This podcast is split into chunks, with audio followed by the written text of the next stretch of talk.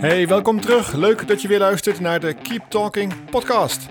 En in deze eerste aflevering van dit nieuwe seizoen ga ik in gesprek met Diana Komijs, FG van de gemeente Rotterdam. Diana neemt ons eerst mee in hoe het was om te ruilen met de Rotterdamse FG, omdat ze eerst FG was van de gemeente Den Haag. En daarna hebben we het over hoe ze als FG toezicht houdt op ook informatiebeveiliging.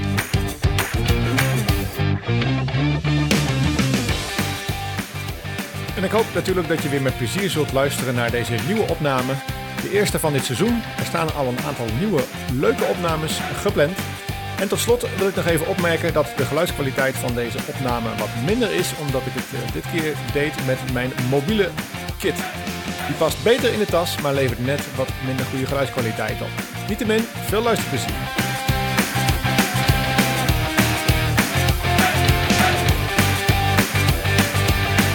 Ja, hey, goedemiddag eh, Diana.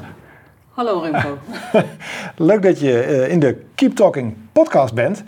En eh, voor de luisteraar om even een plaatje te tekenen. We zitten hier in Rotterdam.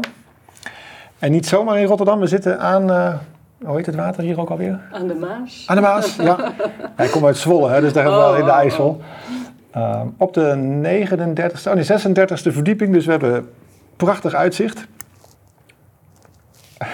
Vind je van niet? we kijken uit op een Oh, ja. flat naast Ja, ons. dat is waar. We Maar kijken. in theorie is het uitzicht hier heel erg mooi. Ja. Ja.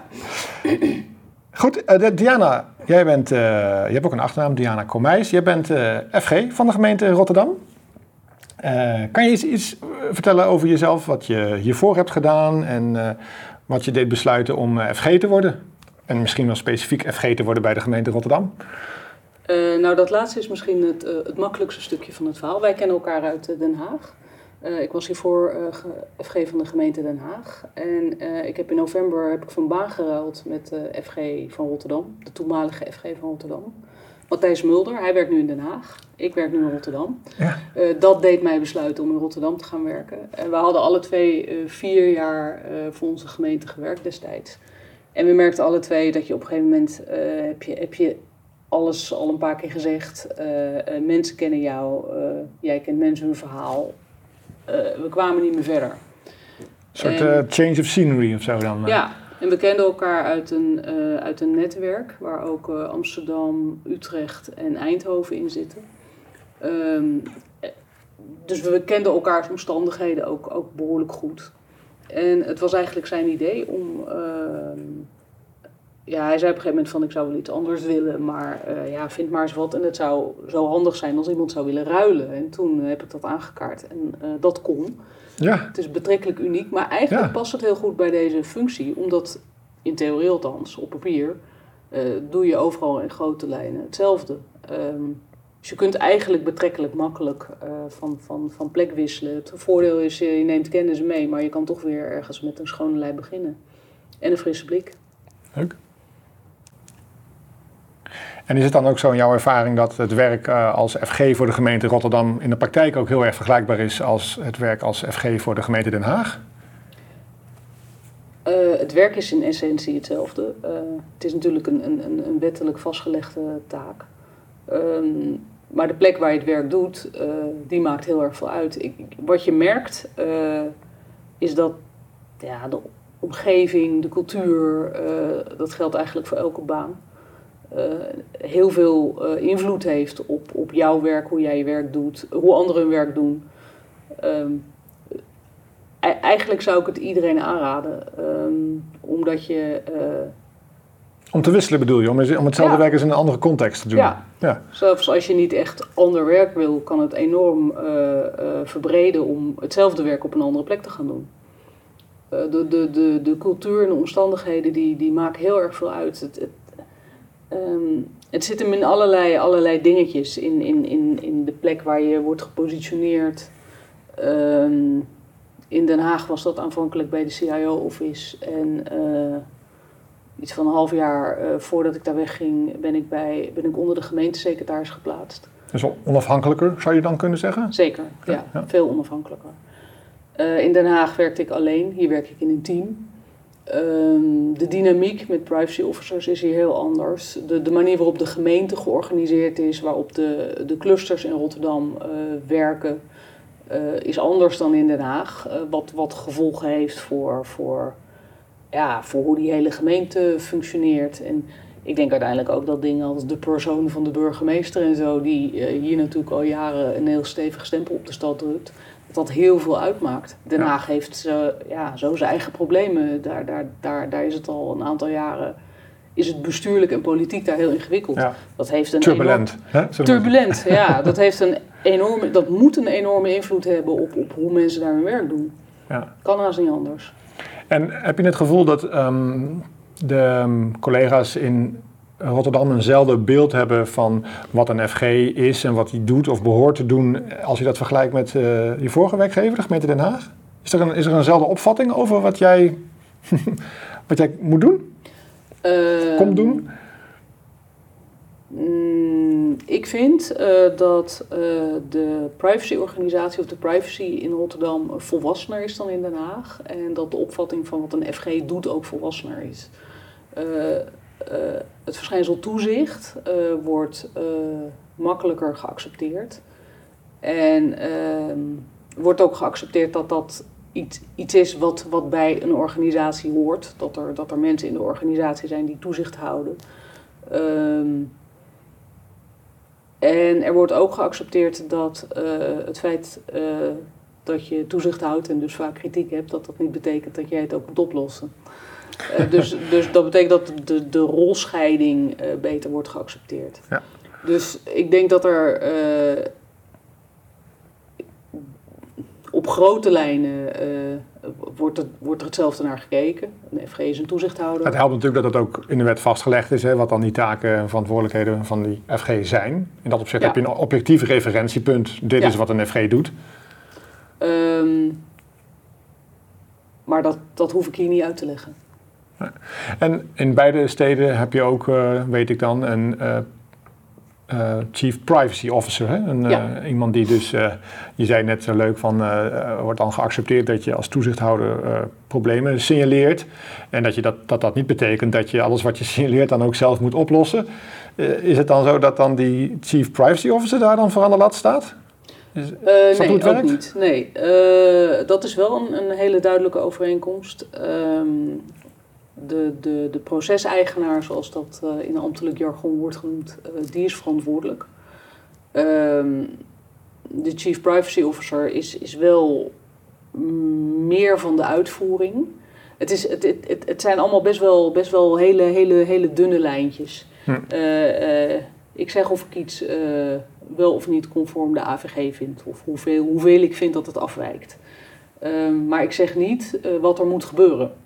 Maar je, je, je, je, geeft wel een signaal af dat er iets moet gebeuren. Ik geef aan dat er iets moet gebeuren, maar ik geef niet aan wat er moet gebeuren. De Chief Privacy Officer geeft uh, veel meer aan aan de proceseigenaar wat er moet gebeuren. En de proceseigenaar moet zorgen dat het gebeurt. Ja, ja, precies. Ja. dus, dus ik ga uh, uh, zo goed als niet over de, over de inhoud en de uitvoering. Ja. Ik, ik, kijk eigenlijk alleen maar naar de AVG. Dus in, in, in het hele bouwwerk is mijn taak het meest abstract, zou je kunnen zeggen. Ja. ja. En in jouw takenpakket, in het bouwwerk, zit ook het onderdeel informatiebeveiliging. Ja. Ben jij nou ook een Mag ik jou ook een interne toezichthouder informatiebeveiliging noemen? Of, of zeg je dan, nou, daar voel ik niet helemaal senang bij als je me zo... Nee, ik denk dat dat te veel eer is. Uh, want uh, ik uh, ben niet zo heel erg handig met IT.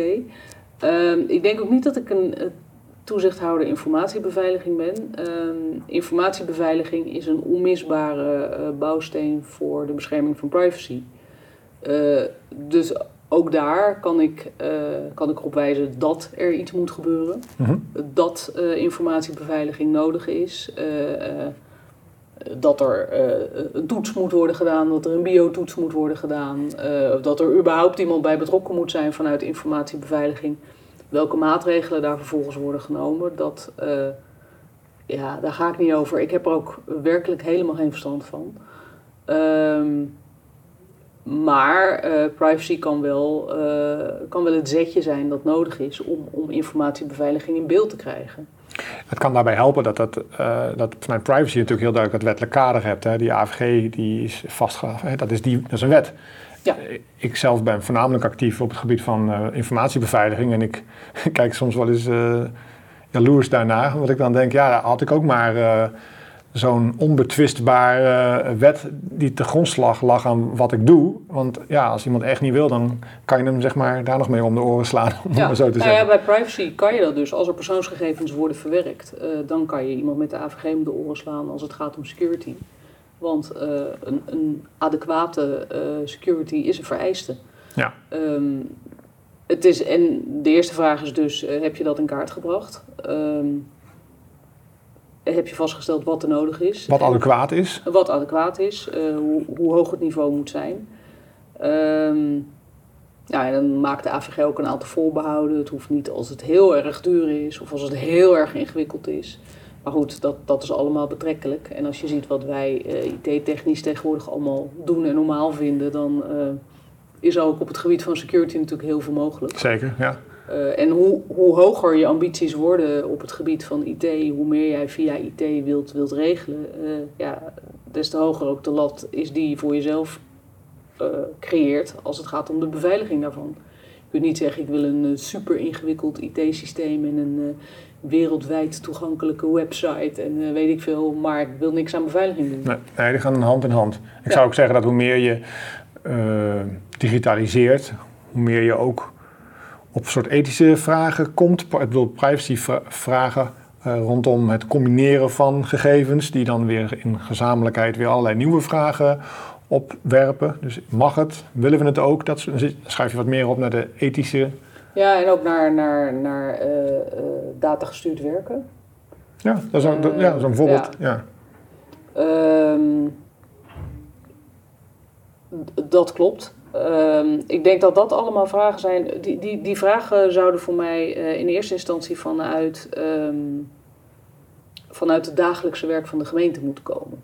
Uh, en niet zozeer vanuit uh, IT. Um, als het vanuit IT komt, dan gaan we het doen omdat het kan. Ja, dus wat is leidend eigenlijk? Is dat... Ja, ik, ik vind dat de inhoud leidend moet zijn. En als we data gestuurd willen werken, wat ik overigens dat lijkt me heel goed. Het lijkt me veel beter om, om beleid te baseren op data dan om beleid te baseren op uh, de wens van de dag uh, of omdat het vandaag dinsdag is. Uh, ja, het is vandaag dinsdag. Ja, het is vandaag dinsdag. um, it, ik denk dat het veel logischer is om, om je beleid te baseren op data en om te kijken wat werkt, om te kijken waar je naartoe wilt, wat daarvoor nodig is. Maar. Um, ik voelde hem aankomen, de maar. Nou ja, het, het, Logisch. Het, het, is nog helemaal niet zo makkelijk om dat uit data te halen natuurlijk. Ik bedoel, eh, we hebben wel heel veel data, maar die geven zelden een eenduidig antwoord.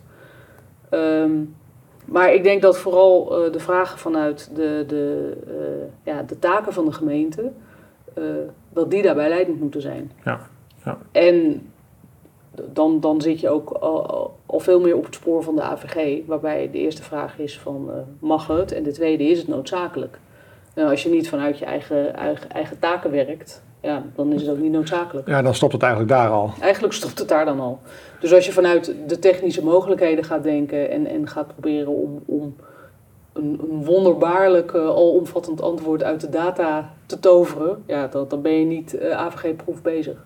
Ja, nou ja, ik, zie zo wel wat voorbeelden van de afgelopen jaren in mijn uh, hoofd nu, waarvan ik denk, ah ja, die zaten meer in de hoek omdat het kan. Ja omdat de techniek dat biedt. En uh, ik snap ook dat dat heel erg uh, ja, een soort laboratorium... Ja, precies. Het, eh, terwijl ik ben dan ook wel eens uh, de aanwezige die dan wat ongemakkelijke vraag stelt van... ja, maar met welk doel dan? Hè? Is dat een voorbeeld wat je, wat je kan noemen? Of uh, wordt dat ja, dat was een, uh, ik kan het wel in abstracte termen noemen. Het was in een uh, stad waar eigenlijk geëxperimenteerd werd in een stadsdeel met allerlei sensoren. En die dan op een gezamenlijke plek in een soort control room-achtige setting zeg maar, bij elkaar kwamen. En daar gemonitord werden. En um, dat leidde, dat leidde tot allerlei interesse vanuit allerlei afdelingen. Die eigenlijk... Um, probeerden aansluiting te vinden met hun proces op, op die control room, omdat dat een potentie bood om, om tot ontsluiting van allerlei andere interessante gegevensbronnen. Dat zijn uh, oplossingen op zoek naar een probleem. ja, ja, het is, ja, het is, ja, het is een kwestie van tijd.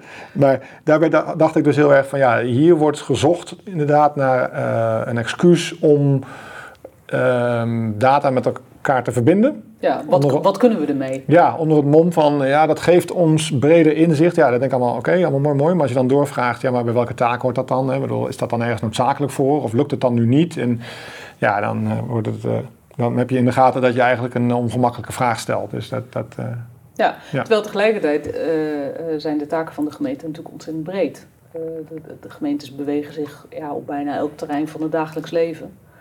Um, dus ik zou me heel goed kunnen voorstellen dat je met data gedreven werken, als je de juiste vragen stelt.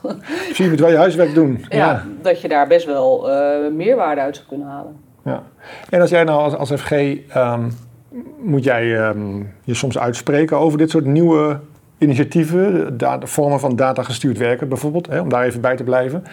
Um, als jij nou uh, een uh, top 3 of een top 5 items moet noemen, zeg nou, als ik als ik eh, als FG zo door de oogharen naar een, nieuw initiatief kijk, dan zijn dit de drie dingen waar ik het eigenlijk eerst al op fileer. Ja, dat is een beetje populair geformuleerd, maar hè, waar je als eerste naar kijkt en denkt van oké, dit heeft kans van slagen, maar als het hier op deze drie punten al niet of ontoereikend is, dan hoef ik de rest van het voorstel of de rest van het voornemen niet eens. Uh, hè, dan kan ik tijd beter in andere dingen steken. Heb je, heb je zo een top drie van punten? Ja, ik, ik, uh, ik ben jurist, ik benader het ook uh, vrij juridisch. Dat is voor mij het makkelijkste. Uh, dus het eerste is doel en grondslag. Uh, wat wil je ermee en um, mag je dat als gemeente? Ja. En dat is dus je grondslag. Waar, waar, waar vinden we die grondslag? Is er een wettelijke grondslag op basis waarvan je deze taak uitoefent?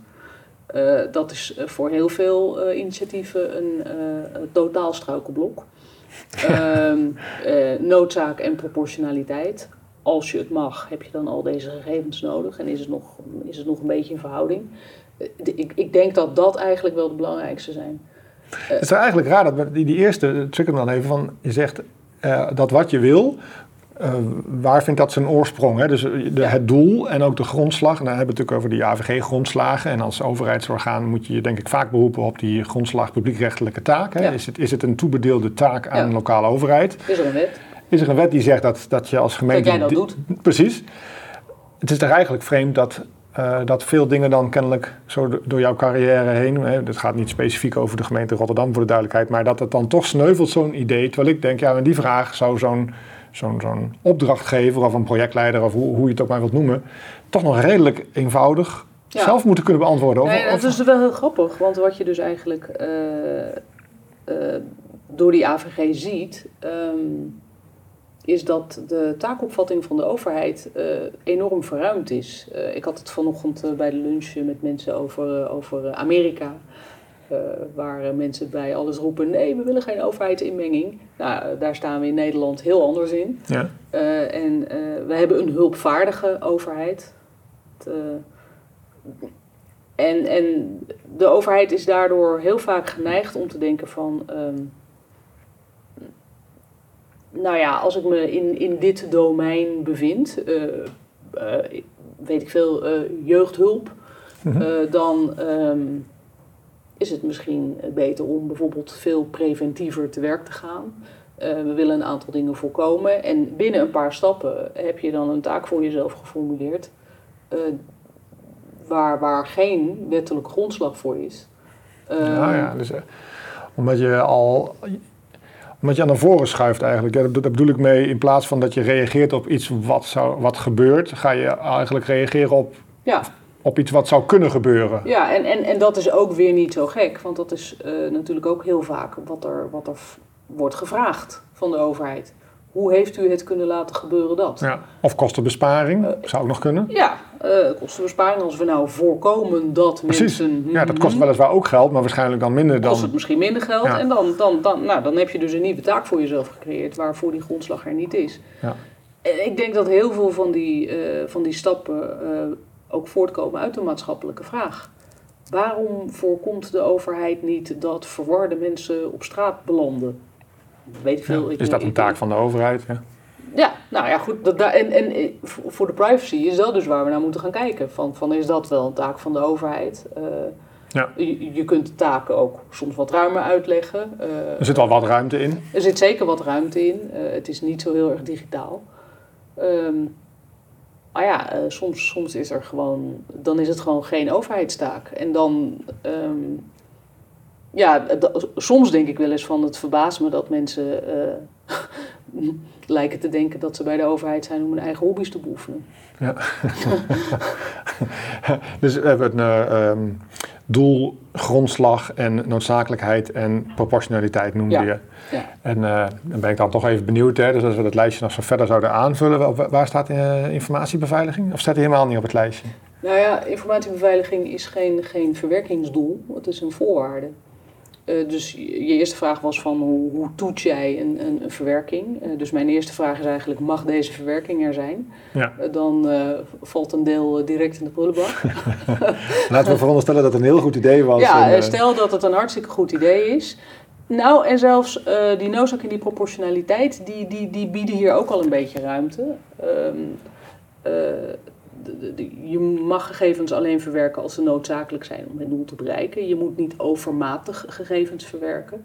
En je moet ook aan data-minimalisatie doen. Je moet voorkomen dat gegevens worden verwerkt uh, als je het ook wil zonder zou kunnen. Of je moet zorgen dat ze zo snel mogelijk verdwijnen. Is dat data-minimalisatie dan niet hetzelfde als de noodzakelijkheid? Ehm, nee, niet helemaal. Want wat je bijvoorbeeld zou kunnen doen is, uh, je, je gebruikt gegevens, maar als je ze hebt gebruikt voor je datadoel, uh, anonimiseer je ze. Uh, het voordeel daarvan is dat ze niet meer kunnen lekken. je kunt ze ook niet hergebruiken, zodat je als je mhm. later nog een, een nog interessantere vraag bedenkt, dat je terug kan gaan naar de database, kan zeggen van wij hadden hier toch gegevens over. Kunnen we die nog een keer verwerken? Dus dit, dit ga je dan onder data-minimalisatie? Dat kan, ja. ja dus in, ze zijn in uh, in beginsel wel noodzakelijk voor het behalen van het doel van de verwerking. Ja. Maar je minimaliseert eigenlijk daarna de... Ja. of dingen als, uh, wat ook dataminimalisatie is, in plaats van te vragen wat is uw geboortedatum, zeg je val, valt u in de categorie uh, eh, 35 tot 45. Of weet je, dat is allemaal afhankelijk van wat je wilt bereiken. Ja, dus je legt nog steeds leeftijd vast. Ja, maar, maar, niet tot op de dag en de minuut exact. En bij alles is dan de vraag van wat wil je nou eigenlijk bereiken? Wat heb je nodig? En, en uh, vaak is privacy ook een heel gesprek met, met, uh, met mensen die een plan hebben over hun achterliggende gedachten. Wat wil je nou eigenlijk precies bereiken? Waarom ga je deze persoonsgegevens verwerken? Waar moet dat dan toe leiden? En dan terugpratend kun je bij heel veel dingen zeggen, nou maar eh, dat heb je niet allemaal nodig. Het kan grofmaziger of je hoeft die gegevens niet uh, tot in de zevende generatie te bewaren. Als je gedaan hebt wat je wil doen, gooi het weg, anonymiseer het of weet ik veel. Um, en wat is de plaats van security? Security is, is een voorwaarde. Um, die, die, uh, die zich, ja, het is, een heel, het is een heel ingewikkeld verhaal. nou ja.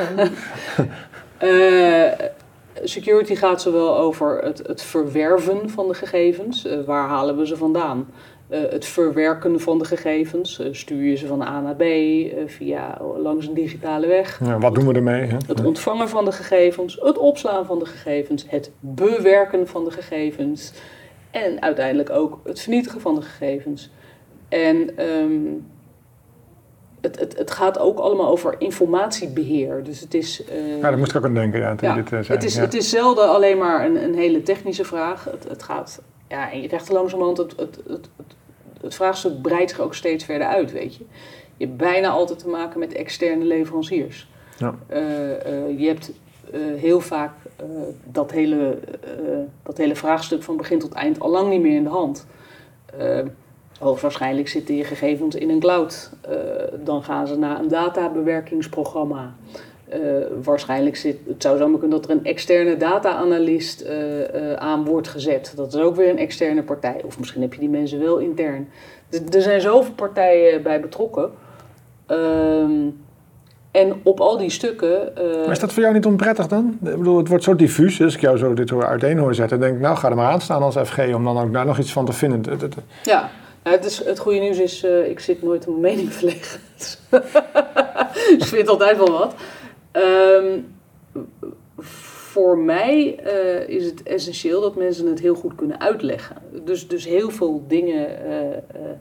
Ja, mensen moeten een analyse maken van hun, hun gegevensverwerking, een Data Protection Impact Assessment, een DPA. dat is een, een, een evaluatie van wat hun doel is, wat hun grondslag is, hoe ze het gaan doen, welke gegevens. Eigenlijk jouw lijstje van net, die wordt. Eigenlijk mijn hele lijstje, dat wordt dan zo'n vragenlijst. Welke partijen daarbij betrokken zijn, welke afspraken ze daarbij gemaakt hebben. En nou ja, dat, dan, dan, dan gaan ze dat uitleggen. Ehm, en het is ook heel vaak een formele toets. Uh, is er een externe partij bij betrokken? Ja. Heb je een verwerkersovereenkomst met die partij afgesloten? Ja, heel goed. Mogen we audits uitvoeren? Ja, prima. Ja. Volgende vraag. Dan ga ik niet meer kijken wat die partij dan doet. Of, uh, en, en, en ja, ik, ik, sla ook vaak aan als mensen het me niet kunnen uitleggen. Ja. Als er een verhaal komt waarvan ik denk, ik kan het niet meer volgen. Vaak is het dan niet goed. Ja, vaak is het dan te ingewikkeld geworden. Uh, of het is niet goed uitgewerkt. Zodat ze het gewoon niet uh, op goede manier kunnen uitleggen. En dan, ja, waarschijnlijk zijn er dan een, een paar vragen niet goed beantwoord. Maar als ik dan even terug naar dat security, als ik het zo beluister, dan denk ik bij nieuwe, nieuwe ideeën, nieuwe initiatieven, um, aan, zeg maar aan de voorkant van, van, uh, ja, van vernieuwing, vernieuwingsopgaven, vernieuwingsdingen. ik druk mezelf een beetje ongelukkig uit, maar um, lijkt het mij best lastig, uh, en misschien hoort het er ook wel niet bij, om als FG daar al ook een vorm van toezicht uit te oefenen op informatiebeveiliging. Omdat je eigenlijk nog daarvoor zit, wat jij ook zei. Eigenlijk, we, hebben, we hebben het nog over doel, grondslag, proportionaliteit. Mhm. En verderop is dan security natuurlijk een voorwaarde voor... Hè, als het allemaal groen licht krijgt, dan is security een voorwaarde. Maar om, om als FG dan enige vorm van toezicht uit te kunnen oefenen op informatiebeveiliging... Dat, dat kan je dan eigenlijk pas later doen. Ja, maar ik denk ook dat uh, uh, mijn toezicht op informatiebeveiliging is veel minder inhoudelijk dan mijn toezicht op privacy. Ja. Uh, met privacy kan ik redelijk meekomen. bij informatiebeveiliging ben ik afhankelijk van de deskundigheid van, van andere mensen met een heel ander soort deskundigheid. ik denk dat voor mij is het daarbij vooral belangrijk, zijn de juiste vragen beantwoord. Dus voor informatiebeveiliging is de biotoets gedaan. Uh, dus de mate van adequaatheid. Van de overheid. Heb, je, heb, je, heb jij de stappen gezet uh, uh, die, die jij moet kunnen zetten, zodat jij kan beoordelen hoe de beveiliging eruit moet zien? Ja, dus daar leun je eigenlijk minder op inhoudelijke expertise, zoals je die veel meer op het gebied van privacy hebt. Maar je leunt eigenlijk meer op, op, het, op, op het proces. Je toetst of het geëigende proces, al die stappen die we daar samen voor bedacht hebben. Ja. Nog, allicht nog zonder jou waarschijnlijk, omdat je dan niet zo... Maar in ieder geval hebben we daar intern een route voor. Ja. En jij checkt eigenlijk, uh, hey, is, zijn, is dit initiatief door die hoepels heen gesprongen, om het even zo te zeggen? En dat geeft jou... En dan is het de verantwoordelijkheid van uh, de mensen aan de security kant, die, die daar wel een inhoudelijk orde over kunnen vellen. Uh, of, of op de vraag het goede antwoord gegeven is. Maar wil jij niet dan soms gewoon, ik probeer toch een beetje te kietelen, dat je zegt, ja, nu... nu nu wil ik het gewoon een keer zien. Nu wil ik het gewoon een keer zien. Er valt vaak helemaal niks te zien. Laat het mij zien. Laat het mij zien. er valt vaak helemaal niks te zien. Uh, nee, ik vraag zelden om evidence. Ik denk dat de, uh, de verantwoordelijkheid voor toezicht op security ligt veel meer bij de CISO. Um, die zou die evidence op orde moeten hebben. Um, net, zo, net zo goed als, als bij privacy uh, er een DPA moet liggen, er een verwerkersovereenkomst moet liggen. Uh, die vraag op. Ik heb uh, nog nooit een security rapport gevraagd, want dan krijg ik dingen te zien waar ik, waar ik niet zoveel mee kan. Maar dat is aan de CISO om te zeggen van oké, dus jij zegt dat de security op orde is. ik ga over de security hier Laat maar zien. Ja, ja. En slaat het, slaat het ergens op? Heb je een partij daarna laten kijken die, die, die goed staat aangeschreven? Ja. Zijn de uitkomsten logisch? want, want ja, ook bij, bij, bij DPA's en bij verwerkersovereenkomsten, ja, soms blader je er doorheen en denk je van, oh, zijn dingen niet ingevuld. Ja, of het is gebakken lucht of zo. Het is gebakken lucht of hier staat iets, ik snap er helemaal niks van. Leg het nog eens uit. moet ik het dan zo zien dat de uh, de CISO eigenlijk uh, in het Rotterdamse, maar waarschijnlijk ook bij andere gemeenten, de CISO de evenknie is van de Chief Privacy Officer. En dat jij als toezichthouder uh, interne toezichthouder op gegevensbescherming. Hè. De AVG kijk jij primair natuurlijk langs de bril van privacy, daar hebben we het net over gehad. En je kijkt ook zijdelings, maar dan weliswaar op een andere manier naar security. Maar is dat de constellatie? Dat jij eigenlijk als een soort uh, paraplu-toezichthouder uh, weliswaar op verschillende manieren naar beide domeinen kijkt? Dat, dat, is wel een grappige vraag. Um, mm, zo zou je het misschien kunnen zien, maar ik kijk alleen naar privacy. En security gaat over al het andere wat de gemeente ook doet en uh, waar een stekker aan zit, zeg ik altijd maar. dus dat zou betekenen dat er eigenlijk voor security uh, maar voor een heel klein stukje toezicht is en voor een heel groot gedeelte niet. Ik denk, ik ben zelf geneigd om te denken dat de rol van de CISO gemengder is. Dat de CISO zowel een toezichthoudende als een meer uitvoerende ja, dus die, die, pakt eigenlijk, om even de analogie naar privacy te maken, die pakt eigenlijk een stuk van het uh, CPO-deel, Chief Privacy Officer-deel. Ja. Maar hij, hij, beweegt er ook een beetje in, in, op jouw niveau, zou je kunnen zeggen, als toezichthouder. Dat denk ik wel. Ik denk dat het zo zou moeten zijn. En dat, dan, dan leg je natuurlijk meteen de vinger op, op, op iets wat heel lastig is. Um, in de begindagen van privacy, want, want die AVG is uit 2018. Uh, toen, toen waren FG's vaak ook veel, veel uitvoerender. Het nadeel daarvan is dat je twee jaar later denkt, nou, dat heb ik niet zo handig geregeld. Uh, en dan moet je er zelf toezicht op gaan houden. dan moet je, ja, dat heb ik twee jaar geleden niet zo handig geregeld. Ja. De combinatie uitvoering en toezicht is gewoon heel ongelukkig. Nou, er was laatst nog uh, de ombudsman van de gemeente Amsterdam natuurlijk een ja, uh, brief nou, gestuurd. Inmiddels zijn we ook verder en wordt ook gewoon echt gezegd van dat, dat mag helemaal niet. Je kunt dat helemaal niet met elkaar vermengen. Daar ging het over de samenloop tussen privacy officer en FG.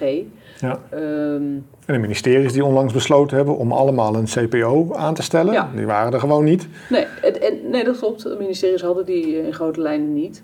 Uh, en daarnaast, uitvoering kost ook ontzettend veel tijd. Uh, ik bedoel, uh, een, een, plan bedenken, dat is, ja, als academici zijn we er hartstikke goed in. Maar een plan uitvoeren, dat is een kwestie van jaren. En je moet ook steeds terug, doet het wel wat het moet doen? Loopt het allemaal nog wel? Ja, ja.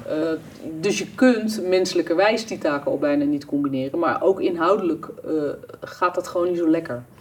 Um, dus ik denk eigenlijk dat het misschien een goed idee zou zijn om inderdaad daar ook een soort splitsing te maken tussen uitvoering en toezicht. Ja, ik kijk dus ook daar wel eens jaloers. Ik, ik zei al eerder dat ik jaloers was in de zin dat... Uh, dat kan altijd overstappen. Dat jullie...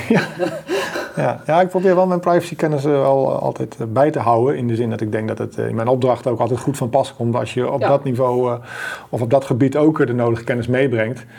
Um, dus ik zei al dat ik jaloers was op dat wettelijk kader, wat heel duidelijk richting geeft aan wat een privacy officer of een FG behoort te doen en wat daar de kaders bij zijn.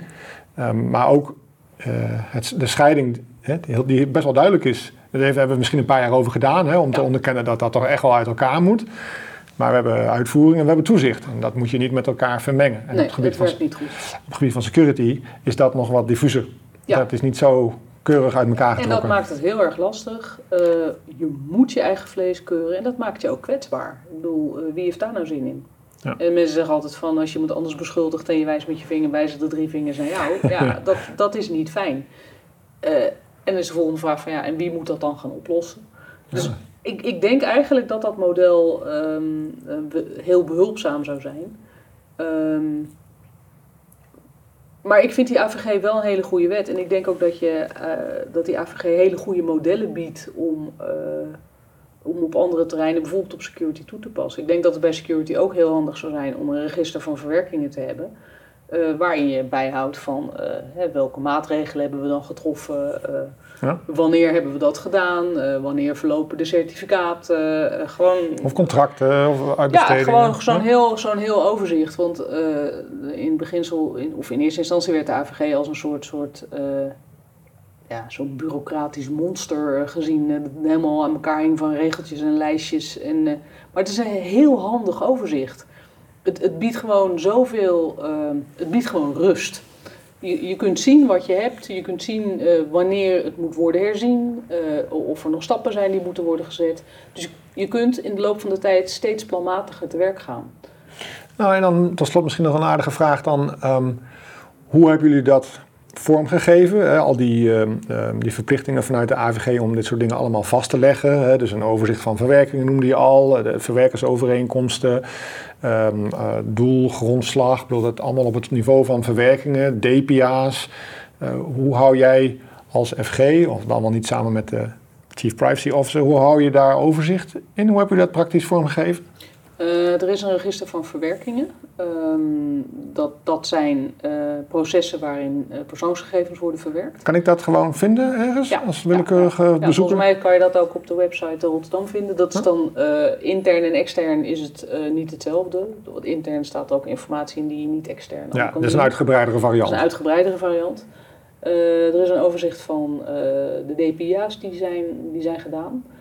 zodat we kunnen zien is dit proces uh, al beoordeeld. Um, vervolgens kan je zien uh, welke risico's er open stonden. Maar is dat een lijstje in Excel dan? Of moet, uh, staat dat ergens bij iemand in de mailbox? Of, nou, dat is iets wat de CPO bijhoudt. Okay. dat, dat, dus dat zijn inderdaad gewoon lijsten. Dat is helemaal niet zo vreselijk high-tech. En het is gewoon mensenwerk, weet je. Er is een DPIA gedaan, nou, die, die moet je dan opsturen, zeg maar. Ja. En dan kan er een aantekening worden gemaakt over dit proces is een DPIA gedaan staat tegenover dat we niet weten wat we niet weten. Als er processen zijn, en die zijn er, uh, waar geen DPIA's van zijn gemaakt. En ik heb nog nooit van dat proces gehoord.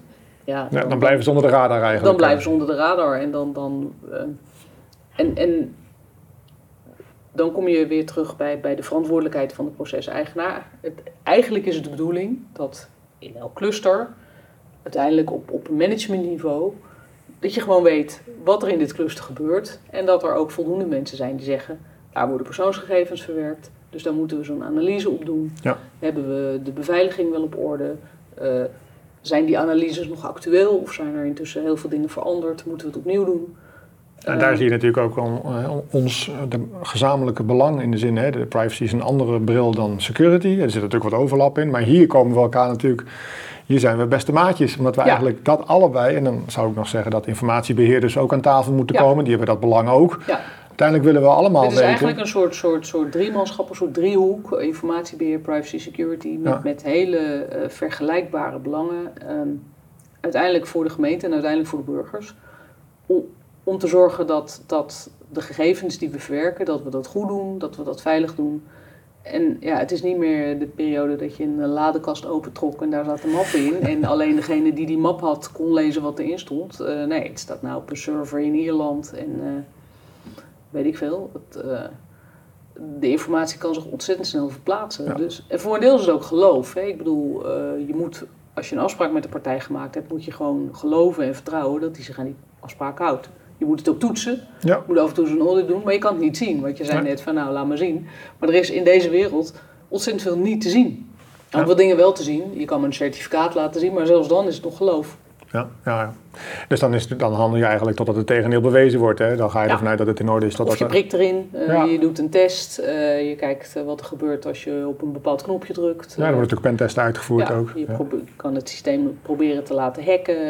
je, ja, Ja. kan eens wat proberen. Ja, ja. Nou, eh, deze podcast heet eh, Keep Talking. Dat zouden we nog eh, een tijdje volhouden, denk ik. Ik wel in ieder geval. Ehm, maar toch wil ik dit gesprek afronden nu en heel erg bedanken voor je inzichten en ja, hoe jij dat aanpakt. FG zijn voor zo'n grote stad als gemeente Rotterdam. En tot slot dan nog één korte vraag. Ruil je nou over een tijdje nog door naar een volgende stad of hou je het nog wel een tijdje vol hier? Ik houd hier sowieso een tijdje vol. eh, maar ik vond het een hele goede manier om ergens binnen te komen. Dus ik vind het eigenlijk een, eh, een, een hele goede manier. Een G4-steden, de grote vier, of Eindhoven, grote vijf, Ja. die kijken heel vaak eh, naar elkaar. Ehm, ik denk dat we elkaar een enorme dienst zouden bewijzen door dit vaker te doen, zodat we ons meer op elkaar afstemmen. We voeren uiteindelijk in grote lijnen allemaal dezelfde wettelijke regelingen uit. Ik hoop dat jij deze opname dan eh, actief zult verspreiden onder je collega FG's. En misschien dat ze jouw eh, oproep eh, te harte nemen. Ja, wie weet. Hey, dankjewel. Graag gedaan. Yes, en dat was alweer de eerste aflevering. Het zit er weer op, maar niet getreurd. Volgende maand ben ik er uiteraard weer met een hopelijk leuke, interessante, nieuwe, vernieuwende gast. Dus abonneer je zodat je niks mist en graag tot de volgende.